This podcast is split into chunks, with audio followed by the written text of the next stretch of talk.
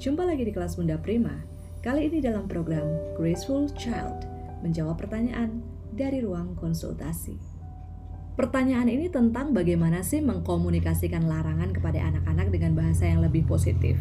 Kalau kata-kata pelarangan seperti jangan atau tidak boleh atau dilarang itu sebenarnya bagi anak-anak kurang ada artinya Kenapa? Karena bagi anak yang diingat adalah sesuatu yang dia lakukan itu. Misalnya, jangan naik tangga, maka yang dia ingat adalah naik tangganya.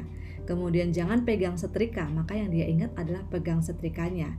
Maka e, daripada kita menggunakan kata-kata larangan itu, maka kata-kata larangan itu kita lepas dan kita menggunakan kata-kata yang lebih positif.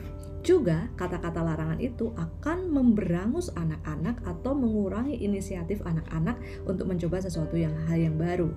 Tapi kalau sesuatu itu berbahaya, gimana dong? Nah, kita akan lihat e, apa sih yang harus kita ubah dalam kita memberikan uh, atau mengkomunikasikan larangan pada anak-anak. Contoh, jangan naik tangga. Itu bisa kita ganti dengan kalau adik naik tangga sendiri tanpa diawasi mama papa, rawan jatuh. Kemudian tidak boleh memegang ini. Kita bisa katakan kalau adik memegang ini, adik bisa ketetrum, bahaya.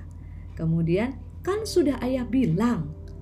Kita bisa katakan adik sudah pernah mendengar tiga kali dari ayah tentang hal ini Kemudian, nah kan kamu sih nggak dengar apa yang ayah bilang. Nah, kita bisa katakan lain kali ingat-ingat apa yang ayah bilang.